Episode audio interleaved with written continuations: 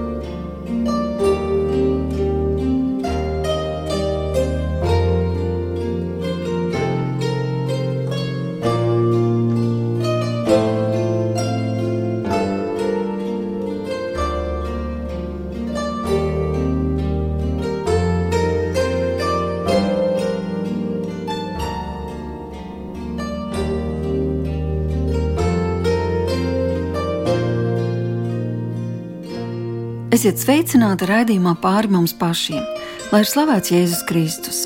Studijā Inte Zēgnere, pie skaņa pults Katrīna Bramberga, bet mūsu raidījuma viesis ir mācītājs Ivars Jēkabsons.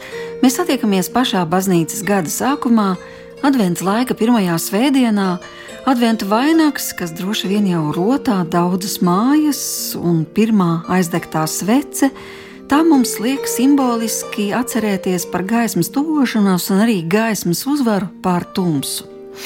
Taču tā nav tikai ārēja vai tikai simboliska gaismas atmirdzēšana, lai radītu romantisku noskaņojumu līdzās kanēļa un krustnagliņu smaržai, lai radītu mūsu mājās omulību un ērtāk iekārtotos pie kamīna. Šai gaismai, kuru mēs gaidām, pirmkārt mēs atrodam pamatojumu Bībelē un arī aicinājumu izgaismot tumsu, kas ir mūsos, meklēt to pārdabisko pieskārienu, kas spēj mūs piepildīt ar prieku nevienu no redzamām lietām un labvēlīgiem apstākļiem, bet gan to prieku, ko nekādi apstākļi mums nespēja atņemt. Un tas ir dievišķais prieks, un tā ir dievišķā gaisma, kas mūs izmaina un kas mūs pilnveido. Mēs atrodamies tik dažādos mūsu dzīves ceļa posmos, kāds ir jauns, kāds vecs, kāds jau ir uzkrājis garīgo pieredzi, bet kāds tikai to meklē. Un ceļš pie dieva ir neizmērojams, ja mēs runājam par cilvēka dvēseles dziļumiem, un ja runājam par šo attiecību kopšanu, par vēlēšanos nevienu lūgt dievam un vaicāt, bet arī saņemt no viņa atbildes un saprast viņa gribu. Ja mēs runājam par šo attiecību spektru, tad tas ir ļoti plašs un varētu sacīt pat neizsmeļams. Tomēr tieši ar vienu no šī laika lasījumiem būs saistīts arī mūsu šī vakara pārdomas. Un pravieša iesaistas grāmatā mēs lasām šādus vārdus: Tuksnesī gatavojiet kungam ceļu, taisnas dariet mūsu dieva tekas klajumā, katra ieleja, lai piepildās, un katrs kalns un augurs, lai kļūst zemāks, kas līkstam ir jātop taisnām un kas ir nelīdzens par līdzenu ceļu. Tad atklāsies dieva žēlastība. Tik tālu pravietis iesaja, un to pašu vēstīja arī Jānis Kristītājs. Tātad dariet līdzenu to, kas ir nelīdzens, tad atklāsies dieva žēlastība. Ko tad mēs varam saprast no šiem vārdiem? Tātad to, ka ir iespējams šajā zemes dzīvē būt apbrīnojami ciešās attiecībās ar Dievu, ja vien šīs iespējas nav aizkrāmētas ar dažādiem garīgiem akmeņiem, šķēršļiem, ar auguriem, ar bedrēm. Un tāpēc mēs šovakar nolēmām parunāt gan par šķēršļiem, kas mums traucē būt tuvākās attiecībās ar Dievu, gan arī par iespējām un kā šīs attiecības kopt. Nu, tātad, ja gribam piedzīvot kaut ko vairāk un ar citādu garīgu redzējumu sagaidīt Ziemassvētkus, nonākt līdz Ziemassvētkiem, tad, protams, mums būs jādomā par šiem šķēršļiem, kā tos novākt, ko darīt, kādā veidā. Un gribētu vēl tādu līdzību pateikt, piemēram, par logu aizkrāmētā istabā. No ārpuses pa šo logu vēlas iespīdēt gaisma. Tātad tas ir tas arī, kas Bībelē ir rakstīts gaisma atspīd tumsībā, bet cilvēki to neuzņēma, jo tumsība viņiem bija mīļāka par gaismu. Tātad gaisma spīd, bet lokus ir aizkrāmēts. Gaisma vēlas apgaismot, Taču ir jānovāc šķēršļi, lai mēs spētu piedzīvot šo pārvērtību. Ar to arī sāksim. Kādā veidā mēs varam šos šķēršļus, šos krāmus, labi nosauksim to par grēku, kādā veidā mēs varam to izmest no savām dzīvēm, lai tiešām pa mūsu garīgajiem logiem sāk spīdēt tā gaisma. Jēdziens grēks ir tiešām daudziem vispārīgs Un tas bieži vien daudziem ir kā tāds nedarbs vai milzīgs noziegums, bet ļoti daudzas lietas ir kā tādi ikdienas putekļi un trokšņi, kas zāģē to sakaru kanālu, ar kuru mēs saskarsimies savā starpā un ar Dievu. Un tad, kad pravietis Iesai un Jānis Kristītājs runā par to ceļu izlīdzināšanu, man liekas, ka tur ir pārāk daudz līkumu, pārāk daudz asumu. Un uh, viens no augstieniem, kas būtu jānoliedzina, ir, ir, ir lepnība, ir augstprātība. Tas ir tas, kas vispār traucē dzirdēt. Tas cilvēks lūkšanā dzird varbūt tikai sevi, sarunā ir monologs, nevis dialogs. Bet ir arī otra problēma, kur cilvēks sev absolūti noliek, noniecina, aizmirst savu vietu, savu stāju. Un viņš saka, es jau nekas neesmu vispār. Tāds cilvēks pazaudē arī sevi. Bet vai Dievs gadījumā nav teicis, ka viņa priekšā mēs esam kā putekļi? Protams, es... Protams, viņš arī ir teicis, ka mēs esam nu, karaliski bērni, bet -hmm. tajā pašā laikā arī otrs salīdzinājums - putekļi. Jā, un to domājot, es negribētu šeit vilkt tādas absolūtas galējības. Ir lietas, kas ir absolūti un tikai no Dieva. Mēs visi esam radītāja auglis, radītāja mīlestības darbs. Taču mēs esam radīti ar kaut kādu kvalitāti, ar kaut kādu dāvanu, aicinājumu. Jā, mums ir vajadzīgs Dievs, bet Dievs reiķinās arī ar mums, ka mēs arī kaut ko dzīvē īstenojam, augam viņā, kļūstam par kaut ko, pieaugam. Un varbūt šis izaugsmas, garīgās izaugsmas trūkums, vai arī otrādi kaut kāda pārspīlēta sevis celšana Dieva vietā, ir tie auguri, ir tās lejas, kam jātop aizlīdzinātām. Bet paskatīsimies to ierasto dievkalpojumu kārtību, un jūs kā mācītājs vislabāk arī zināt, ar ko tad sākas dievkalpojums. Dievkalpojums sākas, sākas ar grēku sūdzi. Jā, ar ir, grēku nožēlu. Jā, ar grēku sūdzi, ar grēku nožēlu. Un, um, tas ir interesanti. Es atceros, kad Skandināvijā reizes braucu ceļā labzemes virzienā, nu, tāds īsts eh, Ziemassvētku, Ziemassvētku, Ziemassvētku ceļojums. Kaut gan tas bija vasarā, nevis ziemā, tad, kad bija polārā diena, kad nakts gan arī tur vispār nebija tajā galā. Bet pa ceļām, pusceļā mēs apstājāmies vienā tādā milzīgā baznīcā ar tādu iekšā gaišu, skaistu iekārtu, bet durvis bija tādas nelielas un balkons tik zems ka pat es, būdams neliela auguma cilvēks, varēju apsisties pret to balkonu apakšu. Un, uh, mēs jautājām, vai arhitekts ir kļūdījies, kad balkons ir tik zems, durvis tik maziņas. Viņš saka, nē, tas ir speciāli. Lai ieietu Dieva valstībā, ir jāiet pazemīgi, turpat vai uz ceļiem, caur grēku nožēlu, caur apziņu, ka Dievs ir liels, caur apziņu, ka es esmu grēcinieks. Bet man, mēs, vai mēs drīkstam mazliet pakavēties pie šīs grēku nožēlas, ja pie šī posma, vai tomēr arī kristieši, nu, mēs visi to dažkārt nedarām ļoti. Varbūt formāli būtu teikts par stipru, bet iespējams arī mehāniski. Mm -hmm. Jo tas taču ir tik elementāri noskaidrot šo pantiņu, Es atzīstos visvarenajam dievam, ka es esmu grēkojis, un tā ir mana vaina, un ka es esmu to darījis domās, vārdos, darbos.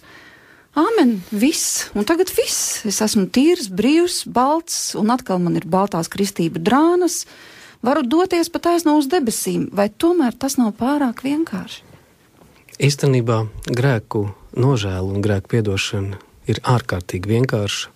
Mūsu neticība ir tā, kas domā, ka Dievs mums nevar tik vienkārši to piedot, kaut arī tas bija grūts darbs, ko Jēzus izdarīja burtiski, mirdams, nosiņodams un tā tālāk. Taču tai pašā laikā visām uzrakstītām lūkšanām, visām dievkalpojumu formām ar laiku ir tendence ieiet rutīnā.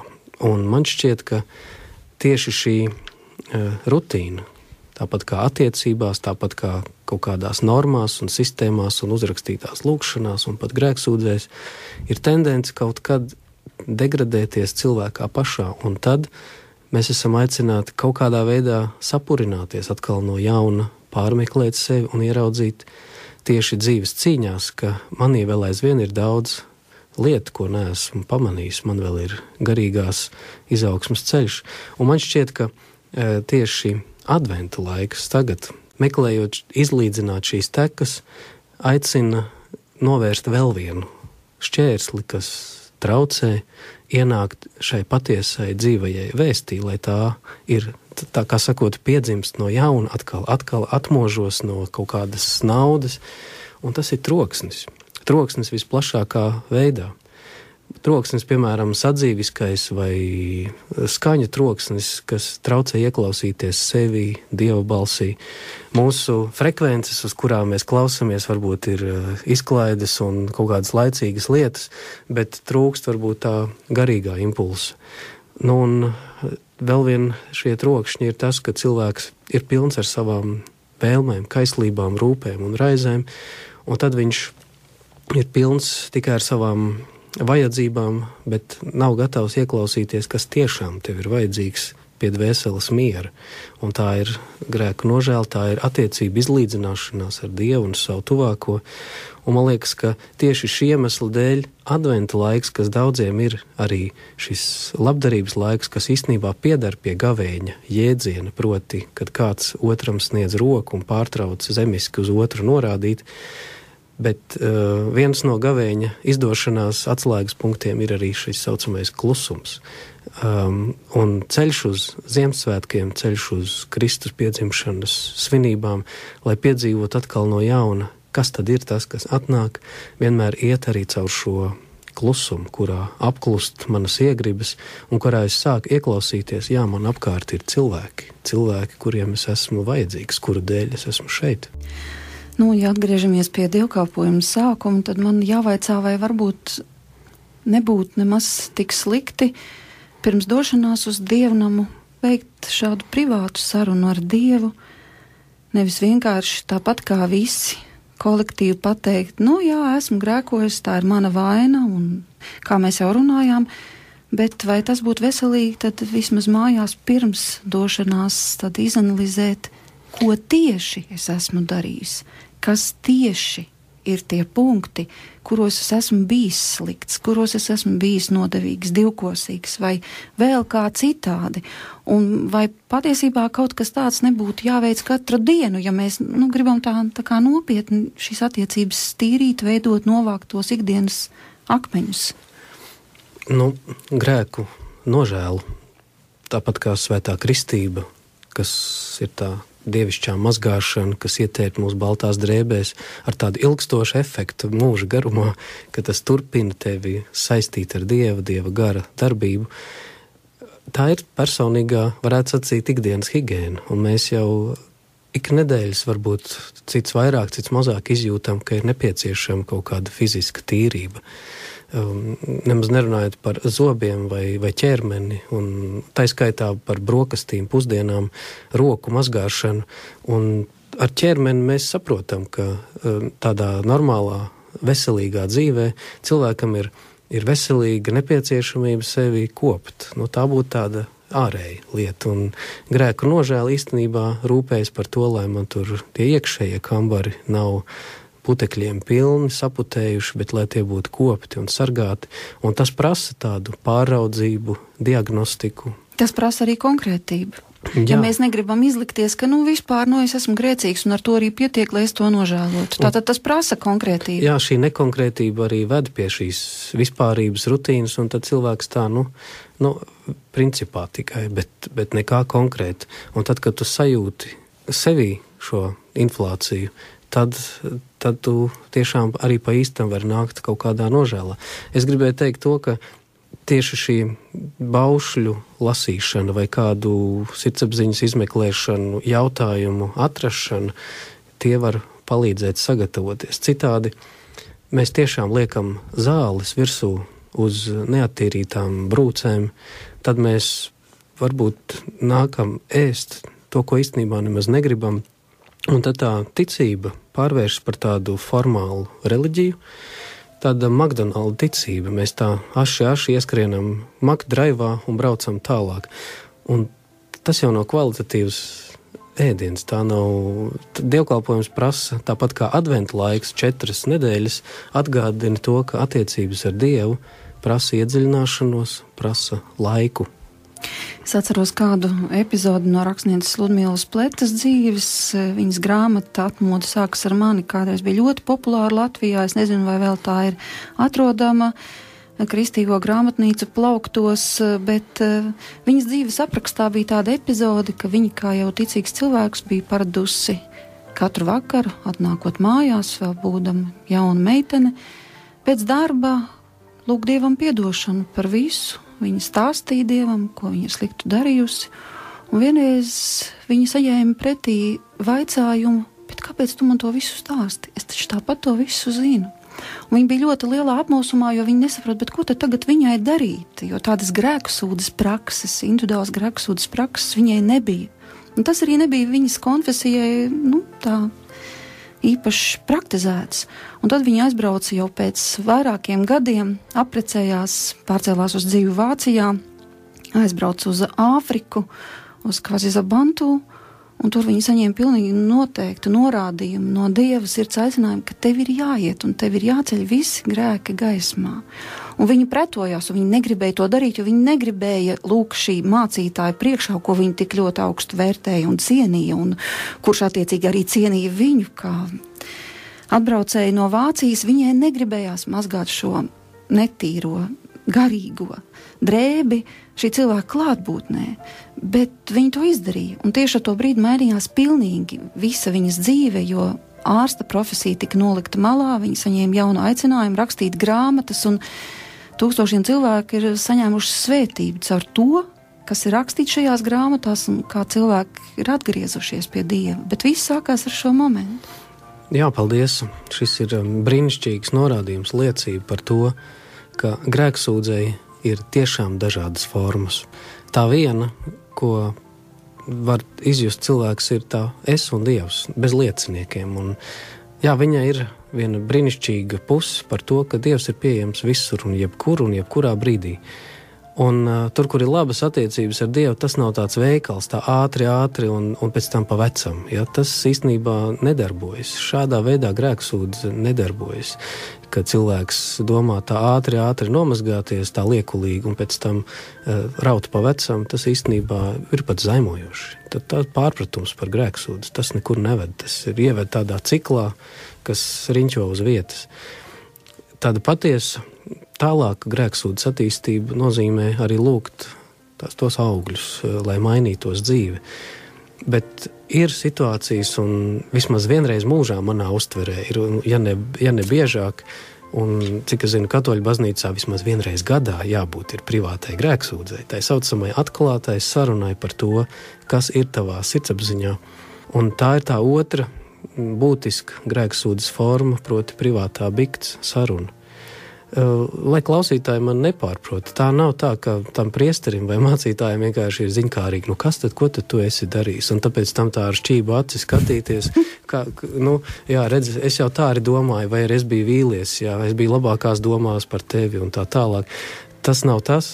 Mācītājs visbiežāk pat aizmirst, ko tu esi darījis, bet mēs kopā esam runājuši, un šī atklātā saruna, ir bijusi ārkārtīgi nepieciešama pašam cilvēkam, kā tu saki, lai atmostos, lai ieiet jaunā kvalitātē, un pēc savas personīgās pieredzes šīs atklātās privātās biktas sarunas man ir palīdzējuši celt ārā neatrisināmās lietas, kas iestrēgušas manī, kuras eh, es nevaru atrisināt.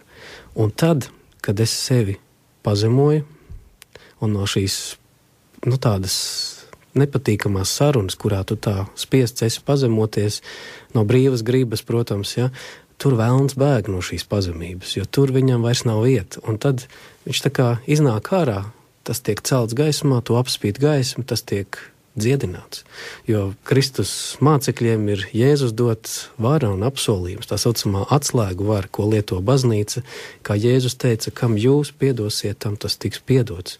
Tajā privātajā sarunā ar Dievu pietrūkst šī atbildi. Ir tikai tāda, nu, mana parunāšanās sevī ar Dievu, bet pietrūkst šī nu, patiesā absolūcijas dāvana, kur kāda amatpersona Kristus vārdā tev konkrēti pasaka tas ir nokārtots. Tev tavi grēki ir piedoti, un tas ir darīts Kristus vārdā. Un uzticoties šai dievvvārda patiesībai, ka Dievs var tevi mazgāt baltāku par sniegu, kaut arī tevi darbi bijuši sarkani kā asins, tā ir viena apbrīnojama dāvana, šī privātā grēksūdze. Un tad varbūt piepildās arī beidzot tādā realitātē tas, ka tu sāc iztaisnoties, tu sāc savas tumšās ielējas aizpildīt, un, un tavi pauguri sāk nolīdzināties, un tur beidzot var ienākt viena jauna garīgās attīstības pakāpe. Tāda mm, pilnīga, pilnvērtīga, dieva svētīta un atbrīvota dzīve. Es pats esmu piedzīvojis, ka pēc šādām mokošām grēksūdzes sarunām, tu pēc tam esi nu, gandrīz tā kā mākonī, metru no zemes, tāds tā kā kilogramu vieglāks palicis. Protams, tas nav galvenais mērķis, bet mērķis ir padarīt to, ka caur šo atklāto sarunu tu topi dziedināts. Jā, un tad par atgriešanās augļiem, kas ir vēl viens posms šajā ceļā, jo ir sacīts, tad nesiet pienācīgus atgriešanās augļus. Kas ar to ir domāts? Ne, nu, ja mēs esam kaut ko, piedodiet, no, no, paņēmuši veikalā, tad, tad, tad tas būtu skaidrs, ka mums vienkārši ir jāiznes atpakaļ. Un, un, bet, augļi. augļi e, vispār ir saistīti ar labām lietām, kas notiek tavā dzīvē. Un tās ir tādas dieva dāvanas, atraisītas lietas tevī. E, atgriešanās augļi. Es domāju, ka te ir runa par to, ka tiek mainīta dzīve. Tur savu brīvību tagad lieto nevis lai turpinātu grēkot. Nu, ko nu kurš ir darījis? Tur ir kas zadzis, tas vairs lai nezog, nezog jā, arī kas ir laulība pārkāpis, vairs to nedara, un uh, kas melo, lai vairs nemelo, un, un visi šie baušļu jautājumi, jā, tā skaitā atstāt okultismu, atstāt elkus, atstāt nepareizu laiku sadalījumu, ja? gulēt pa nakti un pa dienu strādāt, un svēto dienu svētīt, un veltīt ikdienišķu laiku arī dievam un lūgšanām. Tas viss ir tie parādi, kas mums ir dvēselē, un, un tie ir tie atgriešanās augļi. Jā, un tai pašā laikā tie ir arī tas, ka mēs saņēmuši pamudinājumu darīt kaut ko labu, to neapslāpējam. Es atceros, kādam no baznīcas tēviem un svētajiem viņa teica, svētums tā nav greznība, tā nav ekstra, uz kuru mēs esam aicināti tikai daži. Svētums ir norma priekš kristiešu. Un Tas, ka cilvēki domā, ka var dzīvot dalītu dzīvi, tas nav kristietības uzstādījums. Kristietība ir aicinājums pieaugt un dzīvot dieva garā un patiesībā. Šeit gan parādās tā galvenā jautājuma problēma, vai kristietis, kurš ir atpestīts, kurš ir piedzīvojis atgriešanos, vai viņš var grēkot, drīkst grēkot, vai arī ir spējīgs grēkot. Un ir bīstami ieiet šeit tādā legālismā un sacīt, ka mēs jau nu vairs nekad nekļūdīsimies. Mēs daudz ko savā garīgā izaugsmē vēl bieži vien nesaprotam, un tā ir mūsu dzīves pieredze, jo kārdinājumi, pārbaudījumi, izaicinājumi nāk. Ne visi kārdinājumi ir grēks. Tie nāk kā tādi signāli no malas, kā tādi pārbaudījumi, un mēs daudzjādi pat klūpam. Un pietiek, ka kristietis labu gribēdams arī, kā Pāvils saka, bet man nesanāk tas ir kaut kas tā saucamā um, pasaulīgā, miesīgā daba, kas vēl velkas līdz tā saucamā iedzimtā grēka inerce. Šajā pasaulē pēc Lutāņa katrā ziņā mācības kristietis ir vienlaikus grēcinieks un vienlaikus svētais. Svētais tāpēc, ka ir atpestīts, bet grēcinieks tāpēc, ka vēl aizvien mēs esam šajā pasaulē, kas ir pilna izaicinājumu. Es neatceros, kurā tieši vietā Bībelē tas ir rakstīts, bet tā tiešām ir rakstīts, kas no Dieva dzimis, tas vairs negrēko. Un šis ir tik augsts uzstādījums, ka tas mums katram liek vaicāt, nu tad vai mēs esam no Dieva dzimuši vai kas ar mums ir? Nu, tāpēc jau katrai dienai uzdot šo jautājumu, vai es esmu patiešām atzīmis no augšas un esmu nostiprinājies un nobriedis, ir šīs garīgās izaugsmas uzstādījums, ka tāpēc jau mums to grēksūdzi vajag katru dienu, lai atkal no jauna nostātos, bet tas neataisno. Tas neataisno nevienu grēku, nevienu grēku. Mēs nevaram tā, ai, nu drusku jau var, un tad gan jau kaut kā to nokārtošu. Īstenībā tā ir ļoti bīstama iešana uz kompromisu, ar ko mēs nekādā ziņā nedrīkstam. Iedomājieties, ja es tagad uh, ar apzināti vai pusapzināti tagad pieļauju domu, ka es varētu kaut ko darīt pa vecam, iet uh, grēkot. Īstenībā tas pielīdzināms ir jau iešanai pret svēto garu, pat gara zaimošanai. Kā Bībele saka, ja tu zini, labu darīt un to nedari, arī tas tev ir grēks. Un apzināti speciāli grēkošana īstenībā nepelna piedošanu. Mēs sakām, nu bija tādi iemesli, apstākļi, kas man attaisno. Es tā esmu audzināts, tāda vide, tādi darba noteikumi. Īstenībā Dievu priekšā šāda taisnošanās, tā, tā piedošana nedabūna. Tikai patiesa nožēla, tikai patiesa atzimšana un augšām celšanās, tikai patiesa tiekšanās pēc uh, svētas dzīves. Bet tas nav mūsu darbs. Jēzus saka, bez manis jūs nenieka nespējat. Jūs esat atzimuši no augšas, un tas nozīmē to, ka jo vairāk es esmu Kristū, jo dabiskāk un vieglāk man ir dzīvot šo brīvo dzīvi. Līdz ko es pārēju uz to, ka man jācīnās tikai ar savu pašu spēkiem un savu pašu miesu, es tūlīt būšu grāvī. Tūlīt būšu grāvī, jo vēlns mani pārvarēs. Bet tas ir arī tā Nu, mēs tā kā varētu sacīt, stāvam krustcelēs ar šo atziņu. Tāpēc, ka pateikt, Dievs, tas ir tavs darbs darīt man, mani svētu, un es tagad gaidīšu, ka tu to darīsi, tas būtu ļoti viegliprātīgi, ļoti viegliprātīgi, jo apustulis Pāvils saka, jūs vēl līdz asinīm nesat cīnījušies pret grēku, un ar to viņš kaut ko domā. Daudzi jautā, nu, ko tad dara Dievs un ko dara cilvēks? Ko vispār mēs varam darīt un ko Dievs var darīt. Un tad mēģina tā sakot, salikt procentu skalā, saka 50 pret 50. Pusi dara Dievs, pusi dara es. Cits saka, nē, nevar būt. Nu, no dieva viss caur viņu, viss, viņš dara vismaz 70%, varbūt 100%. Un tad daudzi saka, tā kā es savai pestīšanai neesmu nekāds sev glābējs, es sevi aiz matiem no purva nevaru izvilkt, ja? es daru nulle, un viss, kas ar mani notiek, paldies Dievam. Bet es domāju, ka šī nav tā skala, kādā veidā mēs varam dalīt cilvēku un dieva attiecības. Tur nav viena taisne, kur var sadalīt pa procentiem. Dievam ir sava taisne, un man ir sava taisne. Mēs esam divu dimensiju vai pat trīs dimensiju attiecībās ar Dievu, kur Dievs dara visus simt procentus, un Viņš ir visu izdarījis. Un arī es ar savu brīvību, ar savu atsaucību, ar savu atpestīto būtību, arī esmu aicināts darīt visus 100%. Tur ir uh, skala, kas prasa 200%, 100 no dieva un 100 no manis. Un tikai tajā absolūtajā kopdarbībā, kā daži baznīcas tēvi ir teikuši, tur, kur mana griba sakrīt ar dieva gribu, tur ir svētums. Bet Dievs ir arī devis uh, konkrētus aicinājumus. Nu, paņemsim tādu, kas šķiet vispār visgrūtāk izpildāms mīliet savus ienaidniekus. Nu, es to šobrīd piemēru pēc kaut vai saku, ja. Nu, labi, mīliet kaut vai tos, kas jums nepatīk. Nevajag ienaidniekus. Mīliet, kas jums krīt uz nerviem, ja? bet viņš ir devis šādu aicinājumu, lai neteikt vēl skarbāku pavēli vai norādījumu.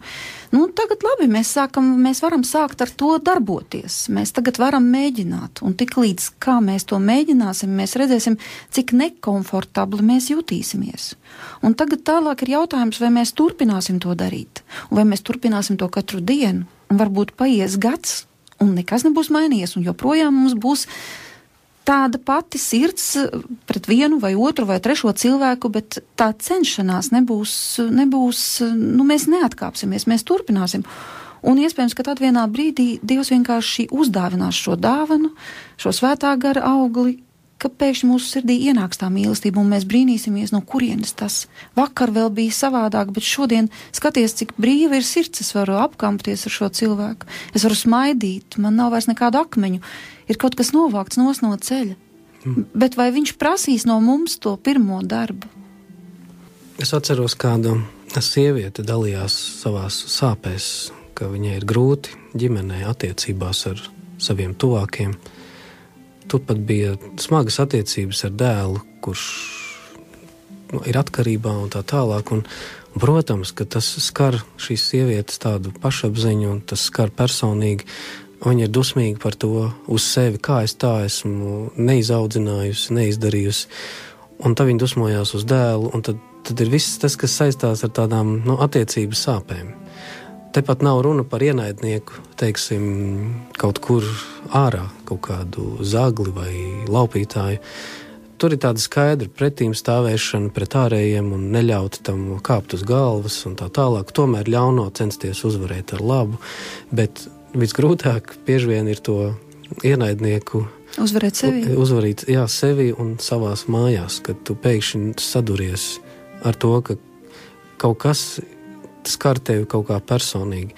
Un tad viņa pēc ilgstošām sarunām, pēc ilgstošām arī pat šīm grēksūdzēm, ja, runājot atkal no jauna, ceļot šo sāpju gaismā, viņa teica, mīļo mācītāji, zini, tagad kaut kas man atnāca dzīvē tāds, man pat dusmas vairs neienāk. Tas nenozīmē, ka viņa tagad eh, ir vienaldzīga kļuvusi pret šo. Ka viņai būtu tagad paniski atkal jācīnās pārtaisīt dēlu, lai viņš tagad pēkšņi kļūtu brīvs. Bet viņa saka, man ir aizgājušas dusmas. Tagad es ar visu to mīlestību esmu klāt, tā kā māte ir aicināta būt klāt savam dēlam, mīlēt, paciest, ticēt, cerēt piedot, un tas dod jaunu iespēju. Studijā šovakar ir mācītājs Ivars Jēkabsons. Mēs runājam par šķēršļiem, kurus novācot un iztīrot šo ceļu, ir iespējams arī piedzīvot daudz citādākas attiecības ar Dievu, nevis kā ar kādu abstraktu personu, bet ar personu, kas mīl, kas runā, kas varbūt klusu runā, un tomēr to ir iespējams nojaust, sadzirdēt un sekot viņa vadībai. Bet, ja jau reiz sākām un jau tik tālu tikām šajā grēku nožēlas un atgriešanās augļu procesā, un arī par cīņu runājām, ka tā tomēr nebūs gluži, ka mēs tikai lūgsim, lai Dievs atbrīvo un paši neko nedarīsim, ka katru reizi mēs iesim šajā grūtajā ceļā paši un mēģināsim tikt ar sevi galā, ar savām emocijām, tās savaldīt, to veco cilvēku iegrožot, lai tas jaunais dieva cilvēks var, var piedzimt. Bet ir vēl viens aspekts šiem šķēršļiem, proti, atdošana. Ja Dievs mums ir piedevis, tad tālāk pienākums ir arī mums darīt tāpat. Jā, daudz cilvēki nespēja piedot varbūt tādēļ, ka nesaprot, kas ir atdošana. Jo atdošana nenozīmē, ka tas, ko cits ir darījis, ka tas ir labi. Piedošana to nenozīmē. Un vēl, manuprāt, piedošana nenozīmē ar sakostiem zobiem to pateikt un pēc tam turēt ļaunu. Visvieglāk ir piedot, ja mēs ieraugām, cik daudz man ir piedots. Nu, ir vainas, kas kā tāda pagātne, vēl kas līdzi.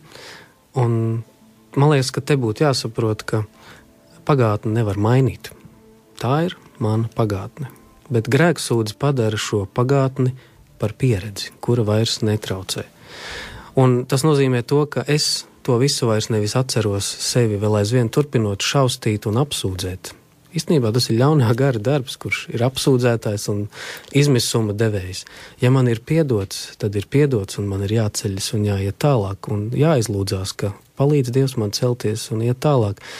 Un, lai cik tas būtu paradoxāli, ja, tas nenozīmē attaisnot šo grēku, kas ir darīts, bet atzīt to, jā, tā ir mana pagātne un akceptēt to. Es to esmu darījis, bet tagad tā ir pagātne. Tagad tas ir nolikts. Kādreiz rakstniece Andra Manfelda pēc pareizticīgo baznīcas eh, tēva kāda lasījuma, ko viņa pat bija lasījusi, ļoti labi raksturoja šo situāciju, kā atnāk viena sieviete pie garīdznieka vai pie mūka un saka, ka viņa nevar, nevar vienkārši samierināties ar to, ko viņa ir darījusi jaunībā un ka tas viņu vajā līdz šai dienai. Un tad viņš viņai vaicāja, bet vai tu tagad tā darītu, kā tu darīji toreiz? Un viņa teica, ne mūžam. Un tad viņš viņai teica, nu tad tev ir jāsaprot, ka tad tu esi citā situācijā. Tu jau to esi sapratusi, tu esi to izsūdzējis, tev tas ir piedots. Nu jā, šaura taciņa, dzīvojot šajās divās pasaulēs, garīgajā, proti, debesu valstībā, kas ir neredzama mūsu vidū, un to piedzīvot draudzē, mēs esam aicināti sekot Kristum, protams. Jā, nu tūlīt jau arī raidījums būs galā, un gluži netīšām jau pirms raidījuma mēs secinājām, ka mums ārkārtīgi tūs ir 139. psalms, jo tas runā par Dieva klātbūtni abrīnojamā veidā. Tas runā par Dieva klātbūtni arī biedējoši, jo tur ir teikts, ka nav nevienas vietas, ne debesīs, ne uz zemes, ne pazemē, nekur, kur Dievs mūs nevarētu tā sacīt dabūt rokā. Ja mēs paskatāmies tā, tad mazliet varētu iestāties arī šaurā bezizēja, jo mēs saprotam, ka mēs nekur nevaram noslēpties ne no Dieva, ne no viņa taisnās tiesas, ne no tā, ka viņš mums prasīs norēķinu, mums nav kur likties. Man Bet... patīk, ka šajā psalmā ir vēl vairāk tāds iedrošinājums, ka es ar tevi esmu gan gaismā, gan tumsā, ka cilvēks, kurš pārdzīvo bēdas, tomēr drīkst apzināties, Dievs ar mani ir arī tagad. Tur ir tas iedrošinošais, bet arī tiešām, kā raidījuma vadītājs saka, arī tas bijību un pat uh, grēku nožēlas trīsas un pat tiesas bailes izraisošais. Viens saka, kur ir Dievs, ka viņš to pieļāva, bet šis psalms saka otrādi - pasaki labāk, kur Dieva nav. Jā. Nu jā, un ja mēs lasām tālāk, sākot no 13. panta, tad tur ir arī šis brīnišķīgais apsolījums un sakars un saikni, ka viņš mūs pazina vēl tad, kad mēs nemaz nebijām šajā pasaulē, kad tikai mēs bijām. Viņi iecerēja, kad, kā ir sacīts, tu zināji mūsu mūža dienas, kad to vēl nebija noteiktas it nevienas. Un tas tomēr ļauj domāt, ka ir mums attiecību iespējas ļoti plašas, tikai dažkārt mēs viņus atliekam, un tomēr varbūt šajā adventu laikā mēģināsim atlikt daudzas citas lietas, un kaut vai uzšķirt šo 139. psalmu un pārlasīt to katru dienu, un kas zina, kāda dieva plašuma mums vēl tur atklāsies. Rēdījumā pāri mums pašiem bijām kopā ar mācītāju Ivaru Jēkabsonu, par skanējumu rūpējās Katrīna Bramberga, bet pie radio mikrofona bija Inte Zēgnere. Lai mums visiem ir svētīgs un arī kaut mazliet brīnumains šis adventa laiks, kas mūs ved pretī Ziemassvētkiem.